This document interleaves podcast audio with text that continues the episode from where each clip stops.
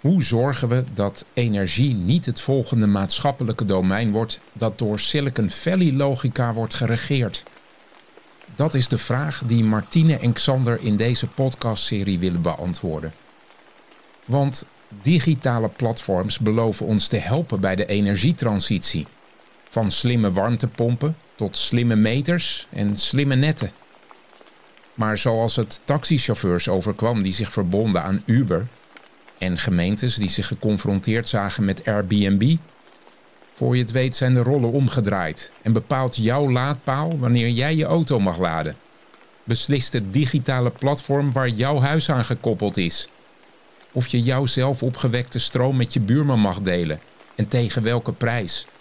En krijg je alleen korting op je huur als je al jouw data wil delen met het digitale energieplatform van je huurbaas.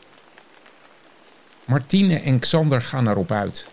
Naar plekken waar mensen serieuze stappen zetten om decentrale opwek en afname van energie onderling te regelen. Voortrekkers die de kiem van een nieuw energiesysteem bouwen. Hoe zorgen we dat dit systeem eerlijk blijft? Dat iedereen mee mag blijven doen? En dat we niet alle zeggenschap uit handen geven? Digitaal zo opgelost, toch? Deze keer neemt Martine Xander mee naar Aardenhuizen in Olst. Wat ik bijzonder vind aan de, de Aardenhuizen in Olst is dat het een uh, woonwijk is die is gebouwd op basis van ecologische principes. En uh, die is helemaal vanaf scratch gebouwd en daar, dat hebben ze gewoon zo goed mogelijk gedaan. Dus daarmee heb je een fysieke uitgangssituatie die gewoon zo optimaal mogelijk is, ook energetisch. Dus ze hebben het gewoon zo slim mogelijk gebouwd dat je uiteindelijk zo min mogelijk energie nodig hebt. Zoveel mogelijk gewoon de natuurlijke info van de zon gebruikt. Die woningen worden volgens mij verwarmd op basis van de zon. Nou, ik weet niet precies hoe het allemaal zit, maar maar de basis, we gaan elke keer naar plekken waar, waar we kijken naar wat is de fysieke situatie. Hier hebben ze die gewoon zo perfect mogelijk en ook nog eens een keer zo natuurlijk mogelijk uh, gecreëerd.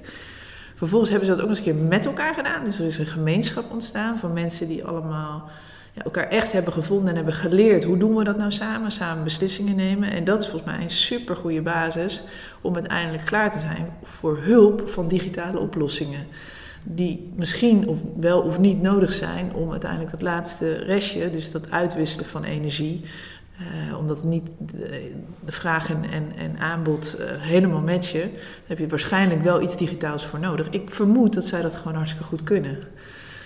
En daarom zou ik wel me, jou hiermee naartoe nemen. Maar misschien, het kan ook zijn, want veel mensen kijken naar die aardehuizen en denken, ja, dan kunnen wij toch niet. Nou, dat wou ik net zeggen. Is dit dan, dat kan toch niet overal? Ja, dat klinkt heel mooi allemaal, maar Jeetje, dat, eh, waar hadden ze de tijd vandaan, zou ik bijna willen zeggen. Ja, dus er zijn heel veel mensen sceptisch. Van, we kunnen toch niet allemaal in zo'n aardehuis wonen, dus wat kun je daar nou van leren? Dat is toch niet realistisch? Dus nou, ook dat lijkt me mooi om mee te nemen. Ik ben benieuwd. Ik ben ook benieuwd wat Maarten van uh, uh, TQ Urban Energy daar nog weer van vindt. Ja, dat is goed, want ik vind inderdaad tof dat we hem meenemen. Want hij komt wel echt uit een andere wereld. Ik ben dus heel nieuwsgierig of hij ook oog heeft voor wat dit soort gemeenschappen uh, uit aan het vogelen zijn. En hoe zij aan het innoveren zijn. En, en wat daar voor nieuwe oplossingen ontstaat. Heeft hij dat überhaupt in beeld? En wat we spreken straks met Estella. Estella is een van de bewoners van de aardehuizen. En zij, uh, nou, zij zal ons vertellen hoe dat bouwproces is gegaan en wat er allemaal in is ontdekt. Uh, relatie met de gemeente, dat soort dingen. we spreken ook met Verdi. En dat is een beetje de, de Willy-wortel van, van de aardehuizen. Die, die echt op dat energiestuk zit en die, dat digitale stuk. En uh, nou, als laatste, uh, dat is wel toevallig, er is ook een, een lector uh, duurzame energiesystemen bij betrokken. Richard van Leeuwen. Ja, Richard. En die woont dus ook toevallig in de buurt. Dus dat is ook wel grappig. Die kan gewoon op de fiets ook nog even aanhaken. En, en zij zijn bezig met een groot Europees project waar de aardehuizen onderdeel van, uh, van vormen. Samen met een aantal andere gemeenschappen in Europa. En daar gaat hij iets over vertellen. Dus dat gaat over die, dat digitale stuk, uh, zodat die, die gemeenschap energie uit kan wisselen. Superleuk, ik heb er zin in. Let's go. Wij zijn in het buurthuis van het Aardehuisproject. En het Aardehuisproject dat is een initiatief van een groep bewoners die van plan waren om ecologisch verantwoorde huizen te bouwen, samen, die uh, zoveel mogelijk zelfvoorzienend moesten zijn, waarbij we dus zo min mogelijk gebruik maken van beton en cement, omdat daar al een enorme CO2-uitstoot bij mee gepaard gaat bij de productie van het materiaal. Ehm, en dan woon je dus nog nergens. Ehm, dus wij wilden zo min mogelijk beton en cement gebruiken. Uh, dat betekent dat je dan uh, naar andere materialen gaat kijken voor je constructie. En die andere materialen zijn in ons geval afvalmaterialen zoals autobanden en stro. Um, en biobased materialen zoals uh, hout en leem. Nou, dus um, dat is het initiatief. En omdat dat dan een hele experimentele vorm van bouwen betreft, is dat iets wat je dus per definitie niet aan een aannemer kunt uitbesteden. Dat moet je dan zelf doen. En uh, wij hebben ons laten inspireren door het initiatief van Michael Reynolds uh, met Earthships in Amerika. In Taos, New Mexico, heeft hij dat uh, 30 jaar geleden ontwikkeld. En die bouwden dit soort huizen die inderdaad voor een groot deel verwarmd worden door de warmte van de zon. Uh, dus dat was ook een doelstelling om een huis te bouwen wat dus echt zo min mogelijk externe inputs nodig heeft. En dat gaat meer over de principes van de permacultuur. Dus permacultuur, dat associëren mensen vaak met tuinen, maar dat kan je ook prima toepassen op je woonplek en op, je, ja, op het gebouw waar je in woont. Wat is permacultuur? Permacultuur is een set van ontwerpprincipes waarbij je gebruik maakt van uh, de overvloed die de natuur levert. En uh, uh, wat wij normaal met huizenbouw doen is, we zien de, de plek, de locatie als een leeg wit A4'tje. En daarop gaan we tekenen. En vanuit de permacultuurgedachte ga je eerst naar die plek toe en kijken, waar is eigenlijk het zuiden? En uh, uh, hoe zit het hier met de wind? En oh ja. hoe zit het hier met de bodem en de grondwaterstand en uh, de bodemgesteldheid? En wat wil er hier groeien? En wat groeit er sowieso al hier waar we gebruik van kunnen maken? Maar je gaat ook kijken naar je eigen omgeving. Dus um, wat voor materialen komen er hier vrij in de buurt? En wij hebben voor onze constructie bijvoorbeeld heel veel gebruik gemaakt van boomstammen die vrijkwamen bij het onderhoud aan het openbaar groen van de gemeente Deventer. Nou, dus um, uh, die principes die hebben wij toegepast uh, op de huizen en ook echt op wat voor materialen kun je gebruiken om je huis, je constructie te bouwen, maar ook om het te isoleren. En je gaat gewoon met een soort van oogstkaart in je hoofd ga je naar je eigen omgeving kijken. En een van de onderdelen van de dragende constructie is een achterwand van autobanden gevuld met aarde. Een autoband is een afvalmateriaal. Dus ja. Er komen er 8 miljoen van vrij elk jaar in Nederland. Nou, dus dan leg je een rijtje banden op de grond en uh, dan heb je de velg eruit en dan doe je de aarde in. En dan moet je heel stevig aanstampen, is heel veel werk. En dan uh, is dat vol, dan heb je een massief blok en dan leg je de volgende band erop. En dan ga je zo verder, dan heb je 11, 12 rijen en dan heb je een muur die sterk genoeg is om uh, het gewicht van je dak te dragen. En dat niet alleen, hij kan ook warmte opslaan. En wat wij hebben gedaan, uh, we hebben hem aan de achterkant geïsoleerd. En als je dan in de winter je grote uh, zuidgevel helemaal van glas, als je daar dan de zon mee binnenkrijgt, de zonnestralen, die staat zo laag dat de warmte van de zon dus op die achtermuur valt. En die warmt dan op. En s'avonds doe je de gordijnen dicht en dan straalt dat weer uit.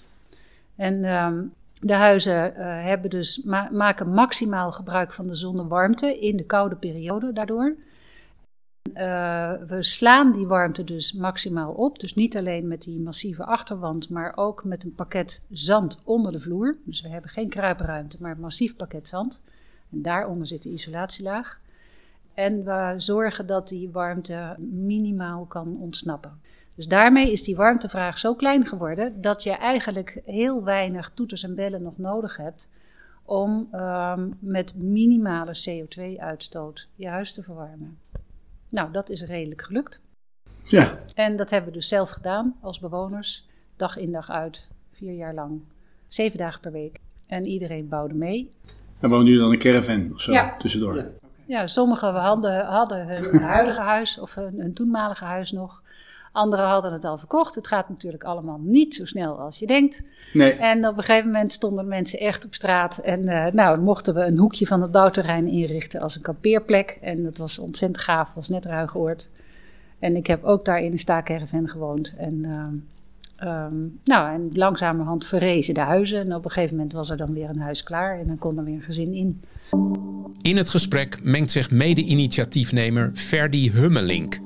Hij is een buurtgenoot van Estella. Je hebt daar wel een uh, flexibele gemeente voor nodig, hè? want ik weet nog dat we een soort van kampeervergunningen aan moesten vragen, want het was natuurlijk zo'n kampementveld. Kan dat dan hier? Maar dat kon, want de gemeente was uh, flexibel daar. Daar neem ik je verhaal een beetje over, maar dat ja. vond ik wel leuk om te vertellen. Hè? Dat, dat de gemeente ook een hele belangrijke rol heeft gespeeld in het, het kunnen realiseren van een project als dit. Want je moet dan wel wat de, de, de grijze gebieden opzoeken. Soms, als je als gemeente een project wil uh, faciliteren. Ja.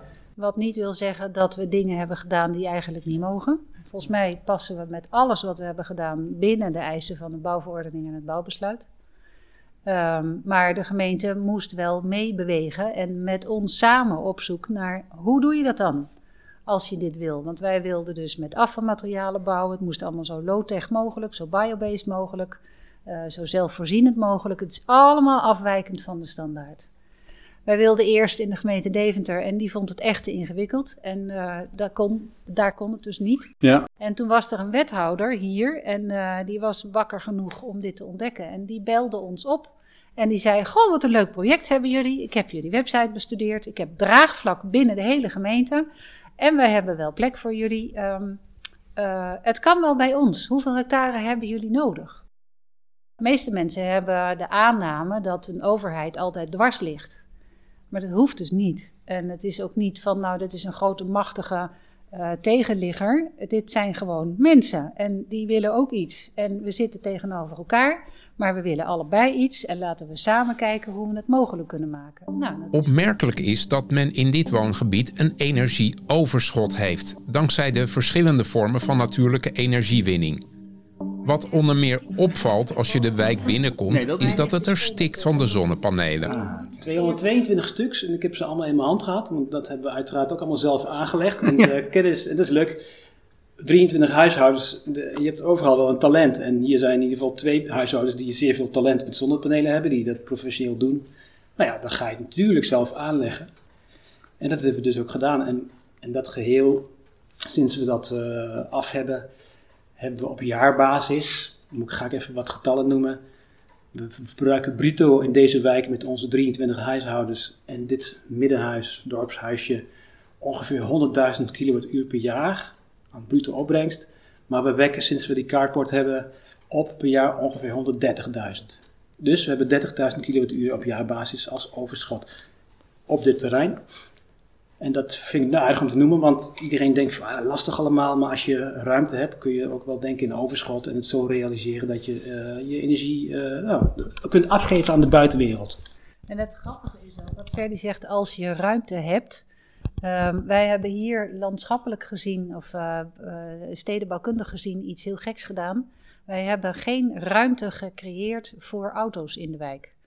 En uh, die, als je dat zeg maar van bovenaf bekijkt, als je ziet in een gemiddelde woonwijk hoeveel ruimte er eigenlijk voor de auto wordt gereserveerd, nou dat is, dat is gewoon schokkend. en uh, uh, al die verharding en al die carports en al die garage en al die straten en stoepen en ga zo maar door, hebben wij allemaal niet. We hebben daar allemaal van afgezien. Die auto's staan allemaal aan de, aan de rand van de wijk in die, onder die carport. En dat is eigenlijk heel handig om ze gewoon bij elkaar te zetten. En dan daar ook hier en daar een uh, oplaadpunt. En dan de bovenkant vol met zonnepanelen. Staan ze ook nog in de schaduw. Weet je hoe fijn dat is op een hete zomerdag. En uh, ze staan ook niet, je hoeft s winters ook geen sneeuw of ijs er vanaf te scheppen. Um, maar het, het, doet ontzettend veel met je gevoel in de wijk. Je gevoel van ruimte, veiligheid, schoonheid. Um, kinderen kunnen overal spelen, katten worden niet doodgereden, het stinkt niet en uh, uh, je hebt het gevoel alsof je in een vakantiepark leeft. En intussen staan ze dus allemaal onder die carport, die dus helemaal vol ligt met zonnepanelen. Mijn punt is, er is overal ruimte ja. om panelen neer te leggen. Overal. Als ja. je het maar een beetje handig inkleedt.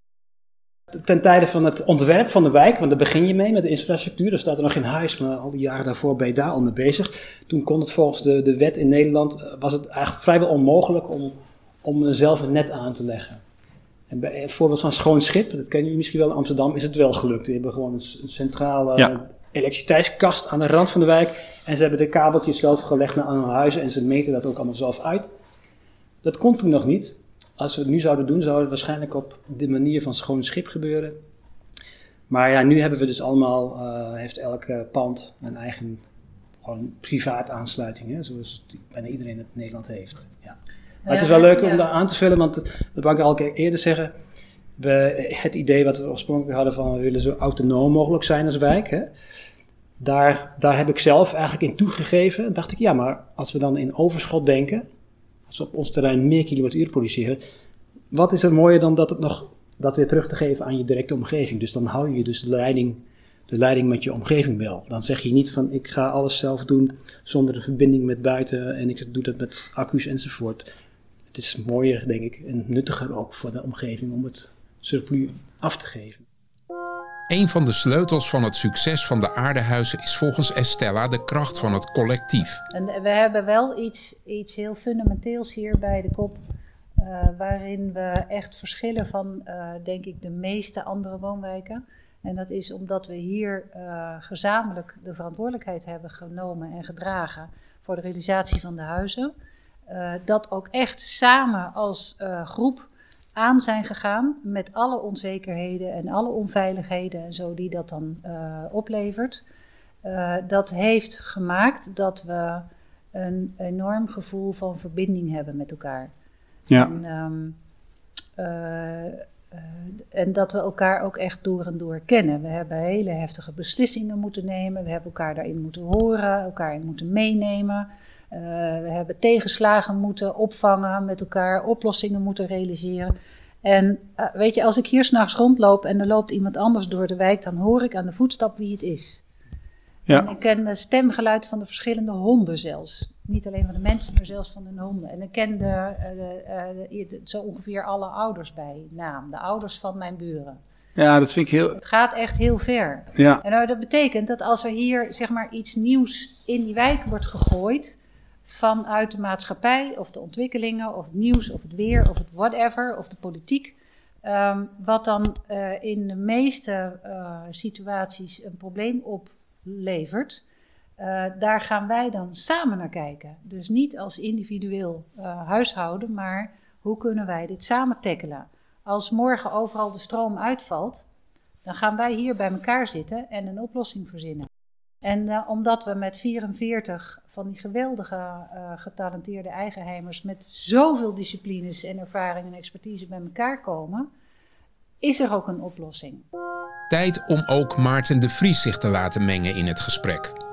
Hij ligt nader toe wat hij doet en zo komt het gesprek vanzelf ook op de bedrijfsmatige kant van de zaak. Ja, ik, uh, ik ben Maarten de Vries, programmamanager bij TKI Urban Energy. Uh, dat is onderdeel van de topsector energie.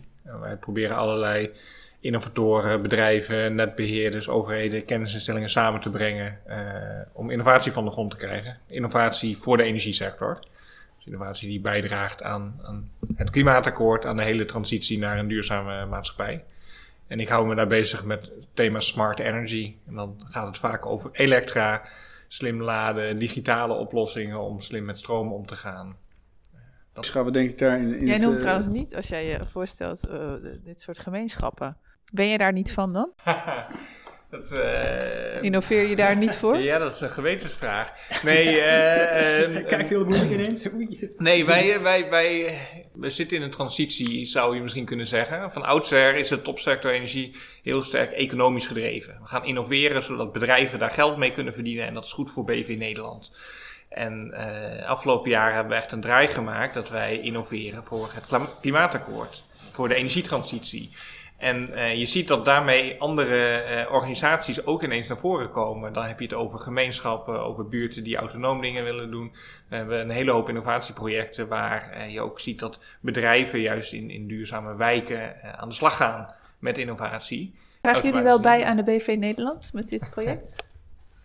Ik vind van wel, ja. Omdat we innovatief zijn. we kunnen volgens mij een heel goed voorbeeld zijn voor nieuwbouwwijken. We zijn bezig met netcongestie. Terwijl netbeheerders die dat probleem hebben, kijken vooral naar uh, grote bedrijven op industrieel niveau.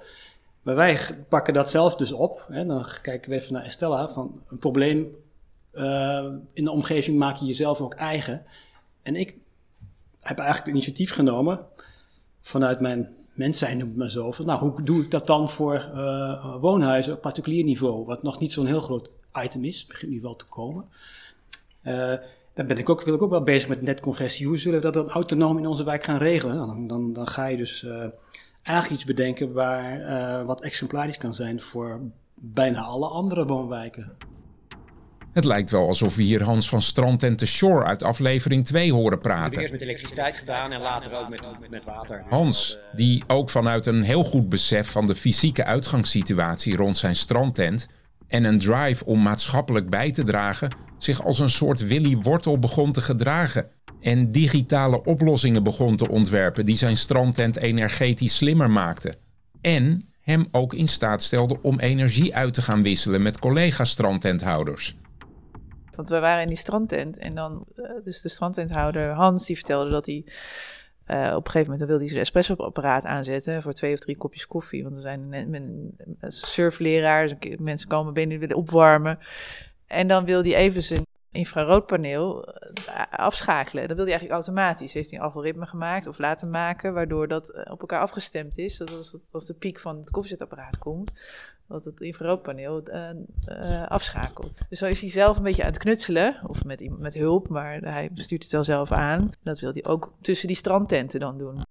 Maar ik kan me voorstellen dat dat hier ook aan de hand is. Dus dat je dat op zich slim zou kunnen gaan doen. Dus dat, dat slim, slimme digitale oplossingen ook hier wel waarde zouden kunnen hebben. Of denken jullie van nee, dat moeten gewoon op het niveau van elektronen en Nee, nee, je haalt me nou ja, de woorden uit de mond, zou ik bijna zeggen. Kijk, dat project wat we nu doen met Europa, uh, het Europees project, is, houdt dat dus ook in. Dat door de uh, Universiteit Twente, Saxion, die zijn nu al bezig om, om zo'n uh, EMS, energiemanagement systeem, te, te bouwen, waarin alle elektrameters per huis worden uitgemeten. Dus dan weet je dus op individueel niveau van wanneer vinden die gebruikspieken plaats Wanneer uh, zit de zon, zoninstallaties flink te produceren? Hoe stemmen we dat op elkaar af? En uh, dat kan zelfs zover gaan dat je zegt van nou, uh, we laten dat elektronisch regelen, digitaal regelen. Dat uh, mijn boiler bijvoorbeeld voor warm water op dat moment aangestuurd aangaat door dat energiemanagement systeem. Dus dat gaat ook echt gebeuren. Hè? Want jij, jij vraagt het, maar het, het loopt eigenlijk feitelijk al om dat te gaan doen. En want ik weet dat, je, dat jij ook een soort specialist van je noemt dat sociocratische besluitvorming, toch? Mm uh, straks krijg je dus allemaal apparaten die onderling beslissingen gaan nemen. Mm Maar daar, die, die programmeer je met je eigen input. Oké. En daar ga je met elkaar over praten. En een apparaat gaat dat niet zelf verzinnen, die ga je vertellen en programmeren van dit is wat ik wil, als dit dan dat. En dan ga je zelf die keuzes in maken. Van wat zijn de principes hierachter, achter die aansturing. Zelf als gemeenschap of zelf als met persoon? Elkaar, met elkaar. Dus jullie gaan de algoritmes schrijven, net zoals Hans dat... Nou, dat doet dan uh, de mensen die er veel verstand van hebben. In dit ja. geval uh, de studenten van, en de, de, degene die dat aanstuurt bij de universiteit. En die gaan gewoon onze vragen uh, vertalen naar programmatuur voor die systemen. Estella maakt zich dus geen zorgen over algoritmes, waardoor zij en medebewoners een prikkel kunnen krijgen om bijvoorbeeld wat eerder op de dag te gaan wassen. En in hoeverre we daarin dat met elkaar gaan besluiten, dat gaan we nog aankijken. Van wat heeft dat voor consequenties? Betekent dat dan, ik wil heel graag wassen, maar als ik nu ga wassen, dan kan mijn buurvrouw, mijn buurman niet meer wassen. Hoe gaan we dat met elkaar afstemmen? Hoe gaan we daarin kiezen? Wat is dan handig? Wat is dan mogelijk? Nou, misschien gaat er iemand even een app schrijven waarin je dat gaat inplannen met elkaar. En dan kan je het zien. Is er nog ruimte op, uh, op ons uh, net dat ik mijn was kan draaien? En hoe matcht dat eigenlijk met mijn werktijden? Nou, dat, dat soort dingen, dat gaan we allemaal tegenkomen. En daar gaan we elkaar in vinden. Zou dat een rol kunnen zijn voor de gemeente? De gemeente kan het niet. Die durft het niet. Die, die, die, die kent dat niet eens, dat dat kan. Die, die, een gemeente die beschouwt inwoners, zo, zo, maak ik ze mee. Ik werk heel veel met gemeentes. Inwoners zijn kleuters en die uh, dragen geen verantwoordelijkheid. Daar kun je ook geen verantwoordelijkheid op afwentelen. Uh, gemeente moet de verantwoordelijkheid nemen en dragen en houden en bewaken en, uh, en koesteren. En uh, dat, dat gaat echt niet om dat bij bewoners neer te leggen, want uh, er gaat altijd wel iemand mee aan de haal. Er gaat altijd wel iemand zeiken, er gaat iemand klagen en dan stort het weer in. No way. Dus de gemeente kan het niet. Tot zover Estella Fransen in dit gesprek, want zij verlaat het gezelschap voor andere verplichtingen. Na een kort wandelingetje door de wijk gaan Martine, Xander, Ferdi en Maarten weer aan tafel zitten. Nieuw in het gezelschap is Richard van Leeuwen, lector op het gebied van duurzame energievoorziening bij de Hogeschool Saxion. Saxion is betrokken bij de aardehuizen vanuit een groter Europees project waarbij ook wijken in Denemarken en Polen worden onderzocht. Ja, het Europees uh, project. Daar zitten uh, lokale gemeenschappen vanuit uh, Nederland, dus aardehuizen, in als, als demonstrator. casus noemen we dat dan. Waar technologie wordt geprobeerd en met bewoners samen wordt gekeken hoe dat goed werkend gemaakt kan worden en ook goed passend bij wat de bewoners zelf graag willen. En daarnaast is een Deense gemeenschap en een Poolse gemeenschap. En het unieke van de Nederlandse eh, demonstrator met aardehuizen, dat is dat deze mensen hier uh, veel vooruitstrevender erin zitten. En veel meer bereid zijn ook uh, mee te denken uh, puur over het duurzaamheidsaspect wat ermee geboeid is. Dus de bewustwording is hier het sterkst van, van de demonstrators. De Denen zijn denk ik de volgende, die zijn ook behoorlijk bewust. De Poolse demonstrator zijn, is echt gewoon een normale woonwijk. Ehm, helemaal geen bijzondere uh, bewuste mensen zeg maar, die daarin zitten. Dus die reality check, zoals wij dat dan noemen in het project, die zit ook in het project zelf al eigenlijk ingebakken. Um, Doordat je eigenlijk verschillende gradaties van bewuste gemeenschappen hebt. Weet je dat ik dat woord bewustzijn staat nooit in wetenschappelijke voorstellen. Hebben jullie dat ook letterlijk opgeschreven? Dus dat, er, dat de aardehuizen bewuster zijn. Zeker, in het projectvoorstel is het een energy aware community. Oh. Ja. En, en waar gaat die technologie dan over? Wat, wat doet die technologie? In essentie meten en sturen. Dat is waar het op neerkomt. Nou, wat meten we? We meten het energieverbruik per woning.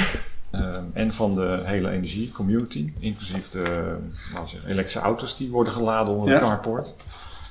En het energie moet je denken aan elektriciteit, maar ook uh, de energie die gaat zitten in warmte. Als die tenminste via de elektrische energievoorziening wordt, wordt gedaan. Dus dan gaat het om warmwaterboilers hier in de wijk. sommige warmtepompen, er staan er ook een paar van. En dan heb je het in ons geval als over het sturen over, dat noemen we een smart multi-commodity grid. Uh, dus elektrisch en warmte.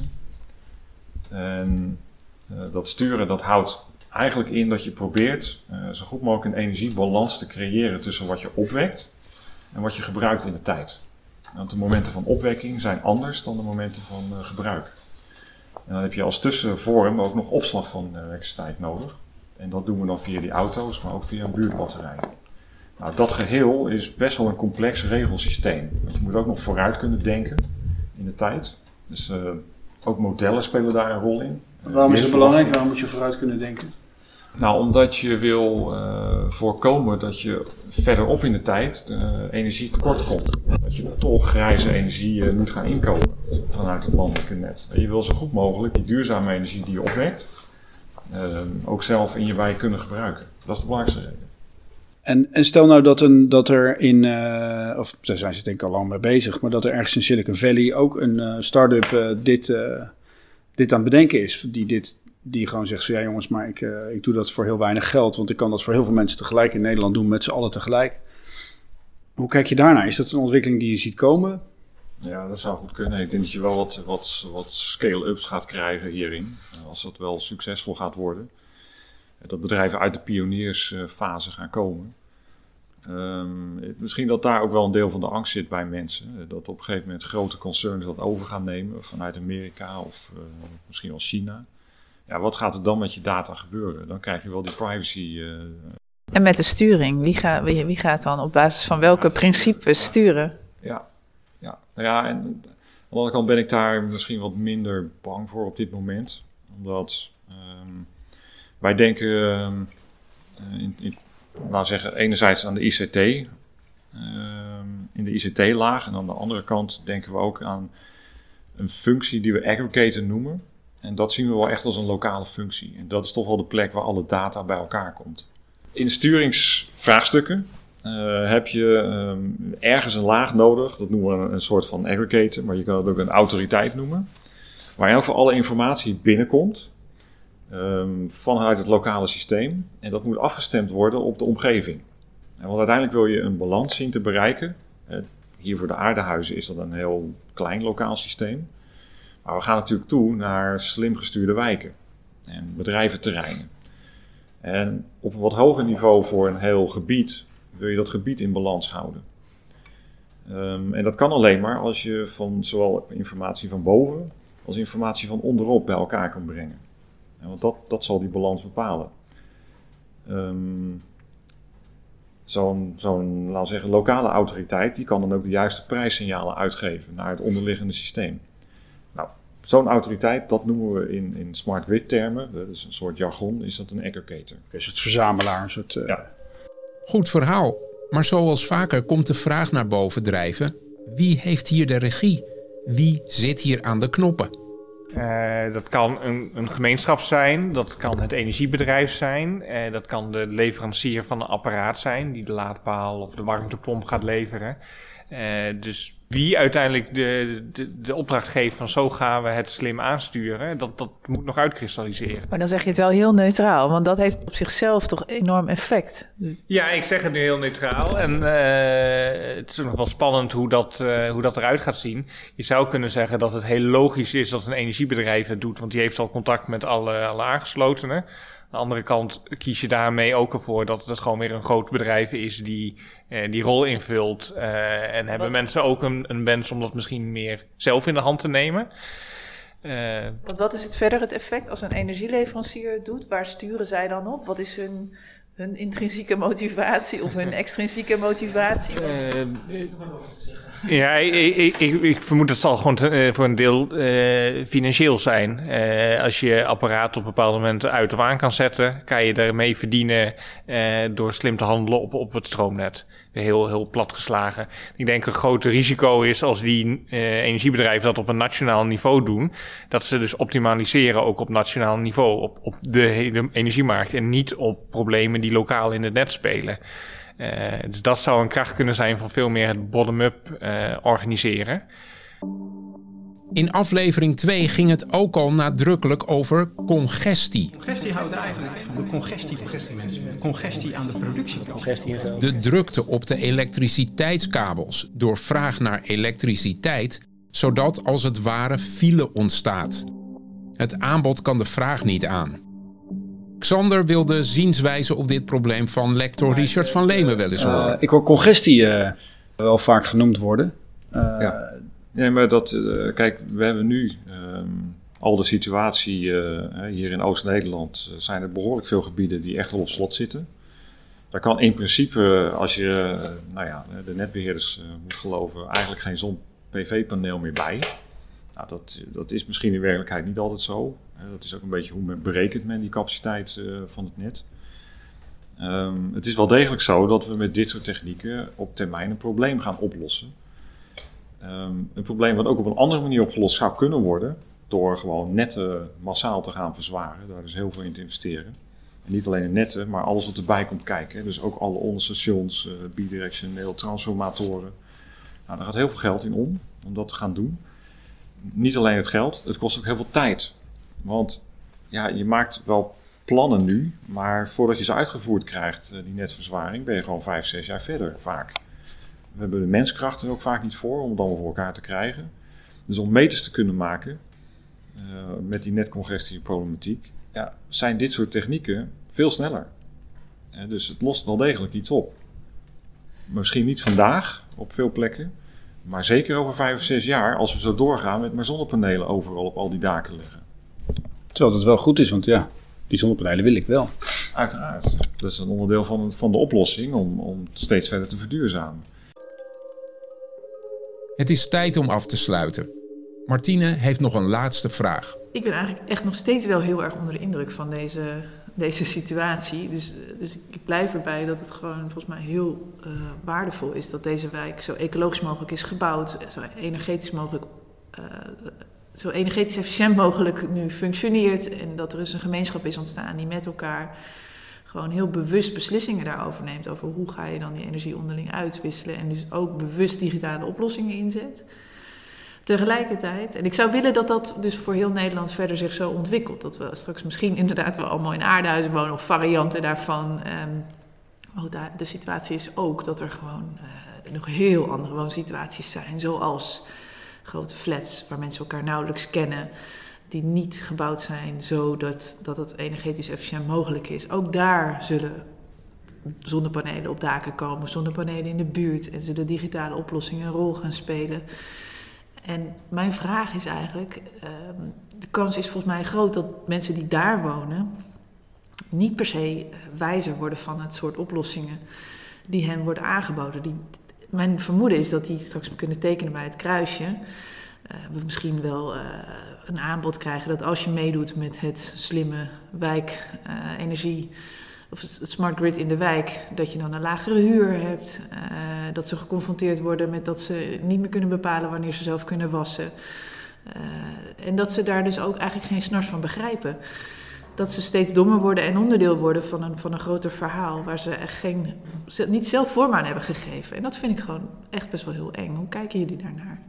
Ja, ik kom zelf ook uit een omgeving met veel flats uh, uit het westen. Um, ik zie daar ook hele mooie voorbeelden, want ik vraag me meteen bij zo'n flat af: waarom wonen we in flats met een betonnen uiterlijk? Um, is er niet een of, ja, gaan we daar niet heel anders mee om? Een flat kan ook energie opwekken. Uh, moet je een bouwkundig aanpassen, of misschien van nieuwbouw uh, anders opzetten. Een flat kan ook voedsel produceren. Uh, dus, en een flat is eigenlijk al een, een community in zichzelf, want al die mensen wonen heel dicht bij elkaar. Maar ik weet ook, ik heb in een flat gewoond ooit. Uh, ik ken mijn buren eigenlijk niet. dus er, er is veel meer te doen, denk ik, om daar ook communities van te maken. Maar dat doen we misschien nog te weinig. Maar het kan, denk ik, wel degelijk gebeuren. Wat vind jij ervan, Maarten? Ja, of je een slaaf wordt van de, de data, of ja, als ja. slaaf data aan je flat moet geven. Uh, ik denk, de, uh, we gaan naar een situatie toe dat we veel meer gaan ontzorgen en automatiseren. En dat moet denk ik ook. Op het moment dat wij elke burger gaan uitleggen dat ze, als we het zeggen, dat ze een warmtepomp aan of uit moeten zetten, omdat het goed is voor het systeem, dan denk ik niet dat het er gaat komen. Misschien op sommige plekken, maar eh, als je impact wil hebben, moet je een deel automatiseren, ontzorgen en uit handen nemen van, uh, van de burger. Zonder dat ze het grip verliezen. En, wij zien dat met het slim laden van elektrische auto's heel mooi. Dat in heel veel projecten, um, daar wordt gezegd, we willen af en toe je auto langzamer laden. Uh, maar je hebt gewoon een noodknop. Dus als jij zegt, nee, ik wil hem nu snel laden, uh, want dat is gewoon van belang. Ik moet vannacht weg, ik ga vannacht op een verre vakantie met de auto. Uh, dan moet dat gewoon gebeuren en moet, moet het systeem dat ook faciliteren. En wij zien in al die projecten dat niemand op die noodknop drukt. Iedereen vindt het prima dat die auto langzamer geladen wordt. Soms drukken mensen één keer erop omdat ze gewoon benieuwd zijn of het werkt. maar er zit wel een vertrouwen van de mensen in dat, dat, dat het systeem dat mag doen. Maar je moet wel het gevoel hebben dat je die controle nog hebt. Je moet die controle misschien ook wel echt houden. Uh, uh, en, en, ik heb wel, ik ben dan positief ingesteld dat ik denk, we zijn hier bewust van en dit moeten we wel, dit moeten we gaan regelen met elkaar. Het grote gevaar is dat een big tech bedrijf gewoon het roer overneemt. ik denk, ik geloof veel meer in technologie die ons helpt om het roer toch vast te houden. Deels geautomatiseerd. Tot zover aflevering 3 van de serie Met de stroom mee. In de volgende aflevering gaan Martine en Xander naar Helmond, waar juist de gemeente lijkt te weten wat ze wil als het gaat om digitale oplossingen voor de energietransitie. In de wijk Warande legt de gemeente zelf glasvezel aan, waardoor energiedelen tussen bewoners ineens veel makkelijker werd.